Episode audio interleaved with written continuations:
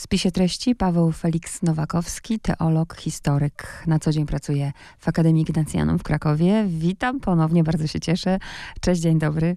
Cześć, dzień dobry. Dawno się nie widzieliśmy, bardzo się cieszę. Bardzo ja się, cieszę, bo cieszę.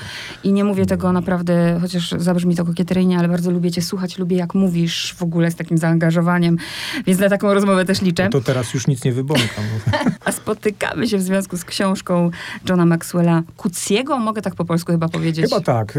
Jest problem z tym, jak to właściwie przeczytać, dlatego że nazwisko jest oryginalne, a autor pochodzi z Afryki Południowej, więc nasze przyzwyczajenia, nawet anglo anglojęzyczne tutaj rozbijają się w pył e, i form e, w polskich mhm. mediach czytania tego nazwiska jest mnóstwo. Ja również Jaką najdziwniejszą tej, słyszałeś? E, nie wiem, czy to fonetycznie zapisaną gdzieś w internecie, jakiś, z jakimś takim aj, coś tam takim w pierwszej części z, z, z zadźwiękiem. Natomiast Kutsi to chyba jest zbliżona do tej, którą Ale ja myślę, że słuchacze spisu treści doskonale wiedzą, kim jest Kutsi, ci, którzy się literaturą interesują, no bo jak mogą nie wiedzieć mm. o nobliście tak. z 2003 roku, ale też laureatem Bookera. Śmierć Jezusa, trzecia część, bo to jest trylogia. Czytałeś dwie poprzednie? Tak, czytałem. Czytałem wszystkie trzy części i no, wrażenie mam takie, jakby te dwie pierwsze części były właściwie takim szkicem albo przygotowaniem do tej trzeciej, która jest właściwa, czyli do śmierci Jezusa.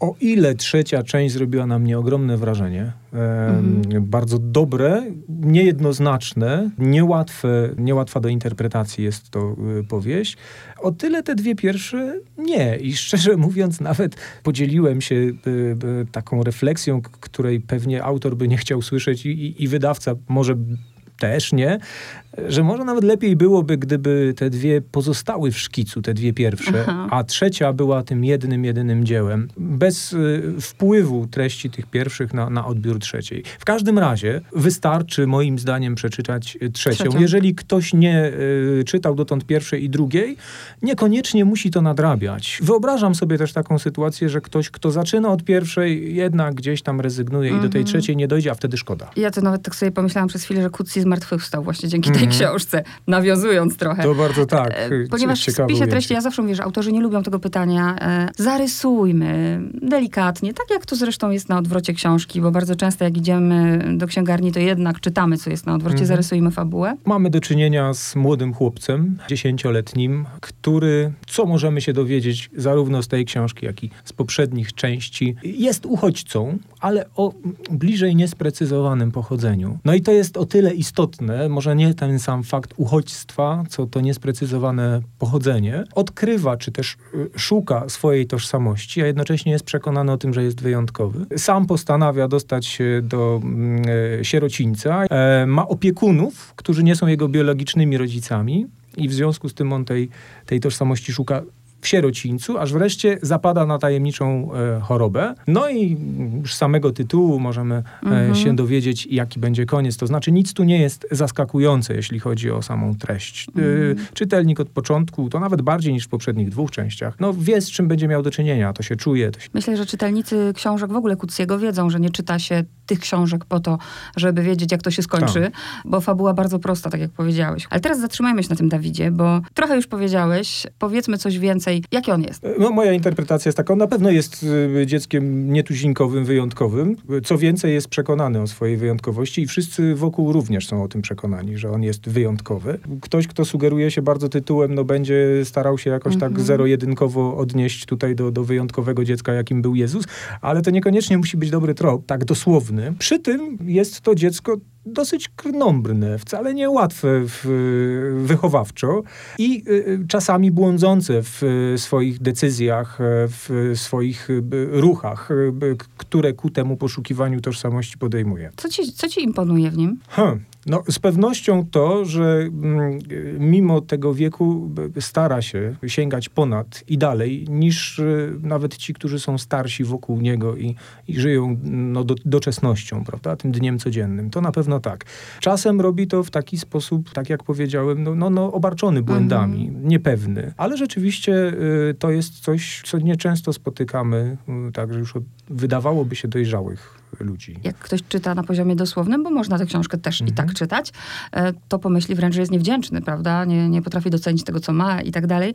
Mi imponuje to, że tak bardzo chce być sobą, a tak bardzo mu się nie pozwala. Rodzice, ci przybrani, chcą go wsadzić w ramy świata, który rozumieją. On chce być sobą, ale też do końca nie wie, co to znaczy, znaczy. być sobą. On mhm. właściwie chce to odkryć, co to znaczy, kim jestem ja. I to jest znowu pewnego rodzaju dynamika, która, która tutaj występuje. Mianowicie to nie jest tak, że on siebie tworzy, choć w praktyce rzeczywiście widać jego zainteresowania specyficzne, w, idące w kierunku na przykład gwiazd, muzyki, liczb y, specyficznie mhm. rozumianych. To jest jakiś element kreacji jego, to znaczy poszukiwania, ale z drugiej strony on chciałby wiedzieć, skąd przyszedł. Mhm. Chciałby to odkryć. Nie bardzo wie jak i nie bardzo, y, nikt nie jest mu właściwie w stanie w tym pomóc. Na odwrocie książki możemy przeczytać, że jest to po prostu osadzona we współczesnym świecie historia świętej rodziny.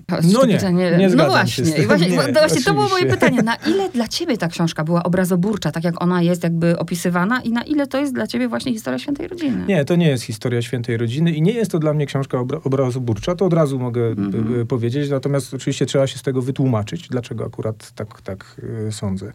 Nie jest obrazoburcza dlatego, że owszem, ktoś, kto zna Biblię, zobaczy tutaj obrazy, zobaczy tutaj symbole biblijne, które gdzieś są przeple przeplecone, mhm. ale nie da się zrobić takiego przełożenia właśnie jeden do jeden historii biblijnej do historii Dawida. Co więcej, Kutsi zrobił moim zdaniem bardzo dobry zabieg tutaj literacki. Co prawda imię Dawid jest mhm. głęboko symboliczne, ale to nie jest imię Jezus. Tutaj postacie, które występują, one mają pewne cechy świętej rodziny, ale to nie jest przełożenie historii świętej rodziny na, na takiej zasadzie, gdybyśmy powiedzieli, no dobrze, gdyby się to miało wydarzyć dzisiaj, to wydarzyłoby się tak. Nie, to jest mhm. inaczej. To jest raczej spojrzenie na przykład, y, oczywiście specyficznej dosyć rodziny, y, przez pryzmat biblijny, czyli w taki sposób, żebyśmy mogli interpretować także nasze życie mhm. w perspektywie Biblii. Ja to tak odbieram. I jeżeli tak na to popatrzymy, to nie jest to obrazoburcze. To jest raczej nam czasami uświadamia, że no okej, okay, mamy Biblię, mamy Nowy Testament, tak, ale my go właściwie nie odnosimy do naszego życia. Nie potrafilibyśmy dostrzec tych elementów, o których tam jest mowa. To jest dla nas odległe często. Mm.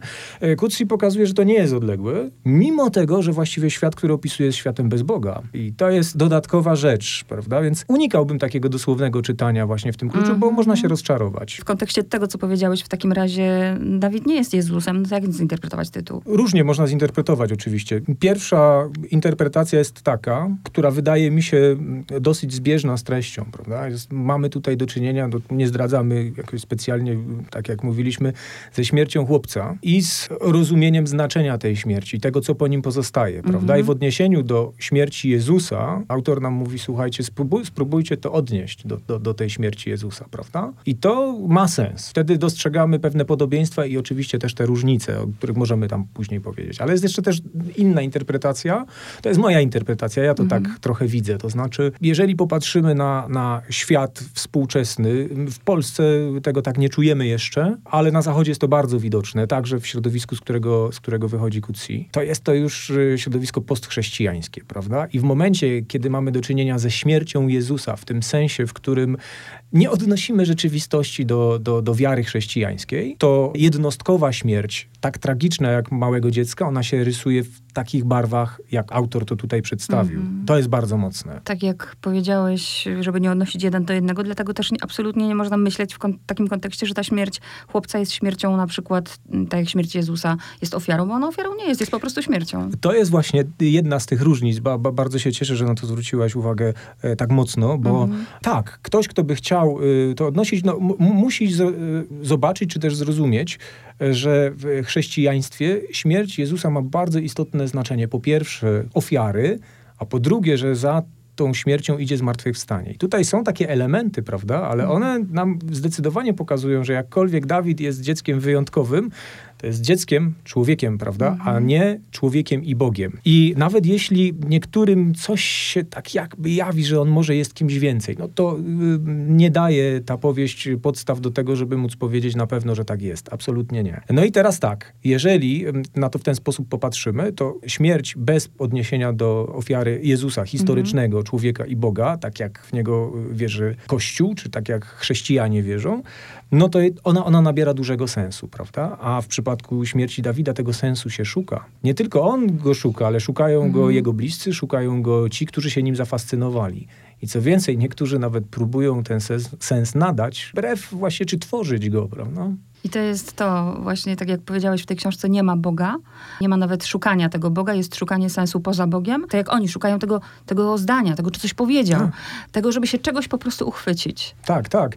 Z znowu to jest tak, że dla nas, nam zmartwychwstanie spowszedniało. Owszem, mm. mamy Wielkanoc, prawda, idziemy, do, co niedzielę właściwie o tym słyszymy, okej, okay, no ale co z tego, prawda, co z tego wynika? I jeżeli teraz się zderzymy z taką wizją, ja dlatego mówię, że, że tę książkę, która nie, nie jest książką chrześcijańską, bo to mm -hmm. no, nie, nie, nie w tym rzecz, ale jeżeli tę książkę przeczyta chrześcijanin, no to dla niego to może być takie, ona może być trochę trzeźwiąca, to znaczy takim sygnałem człowieku spójrz właściwie na swoją wiarę, prawda, i na to, w co ty właściwie wierzysz. Bo tutaj masz, masz e, ten świat, w którym -hmm. tej twojej wiary nie ma i on wygląda w ten sposób, prawda? A więc czy rzeczywiście jakby podkreślasz, czy, czy potrafisz docenić e, te, ten aspekt właśnie tej wiary? I to jest, to jest istotne bardzo. Co więcej, tutaj jest w tej książce, i tutaj myślę, że, że, że akurat w tej części zrobił to po, po mistrzowsku, a mianowicie pokazał ten świat, który no ma takie rysy właśnie e, postchrześcijańskie. Gdzieś tam się pojawia, przewija hasło spowiedzi, ale -hmm, właściwie tak. jakby nie bardzo y, y, y, uczestnicy tego życia pamiętają, o co w tej spowiedzi chodziło, po co to było. No jest jakiś taki zwyczaj, tam było coś takiego, prawda? Oni się porozumiewają czasami mm, używając obrazów albo fraz nawet biblijnych, których nie są świadomi, mm -hmm. a więc mhm. gdzieś to w nich jest kulturowo, ale oni już nie rozumieją mm -hmm. źródła, prawda, tego. To jest coś, ku czemu my, mam wrażenie, coraz bardziej zmierzamy, Ja prawda? właśnie pomyślałam, że to jest książka o naszej przyszłości. Tak, tak no, naszej przyszłości, a teraźniejszości już w części świata, prawda, Post, postchrześcijańskim, post, postchrześcijańskiej. I, jeżeli tak na to popatrzymy y, znowu, y, no to się jawi właśnie rozwiązanie, jakiego się szuka. Po pierwsze, y, jest jakiś głód sakrum albo czegoś, co jest y, transcendencją, mm prawda? I, i, I, w wyjątkowej postaci, jaką jest Dawid, doszukuje się tego, albo czasem mm. właśnie tworzy. Co więcej, poszczególne osoby, to nie jest tak, że bez tego, bez odniesienia do Boga, sakrum czy czegoś nadnaturalnego zachowują się w 100% racjonalnie. No nie. Tam mamy elementy astrologii, tak. Tam mamy e, elementy numerologii i jeszcze innych e, takich rozwiązań, które e, są proponowane, czy w, które oni, w których oni szukają odpowiedzi. To nie jest powiedziane, że ją znajdują, tylko szukają. Trochę po omacku. To, co ja lubię u Kucjego jeszcze, że raz, że można faktycznie, właściwie to jest książka dla każdego, że on pisze dla każdego, bo można na różnych płaszczyznach ją odczytywać, a dwa, pisze takim językiem takim jakby się czytało właściwie jakąś baśń albo bajkę dla dzieci bardzo prostym językiem, z bardzo prostą, nieskomplikowaną narracją. Zgadza się. Tak. To jest coś, co mnie bardzo mocno zaskoczyło. Mm. I znowu jest um, pewną różnicą z dwiema pierwszymi częściami, mm. tak. Które są dużo bardziej przegadane, one są gęste, one są dłuższe, e, natomiast nie są tak precyzyjnie zbudowane. Ja mam wrażenie, czytając, y, miałem wrażenie, czytając Śmierć Jezusa, że tutaj przemyślany jest y, każdy element, to jest jakby dramat zbudowany z poszczególnych scen bardzo precyzyjnie przemyślanych. I e, mimo, że nam się wydaje, że, że czytamy o rzeczach zupełnie prozaicznych, prawda, mm. i mhm. bardzo łatwych, prosto napisanych, to całość buduje nam, prowadzi nas w kierunku dużo głębszym niż poprzednie części. Wychodzi poza kwestie po prostu społeczne na przykład, ku pytaniom takim wielkim i ku eschatologii, choć to nie jest wypowiedziane.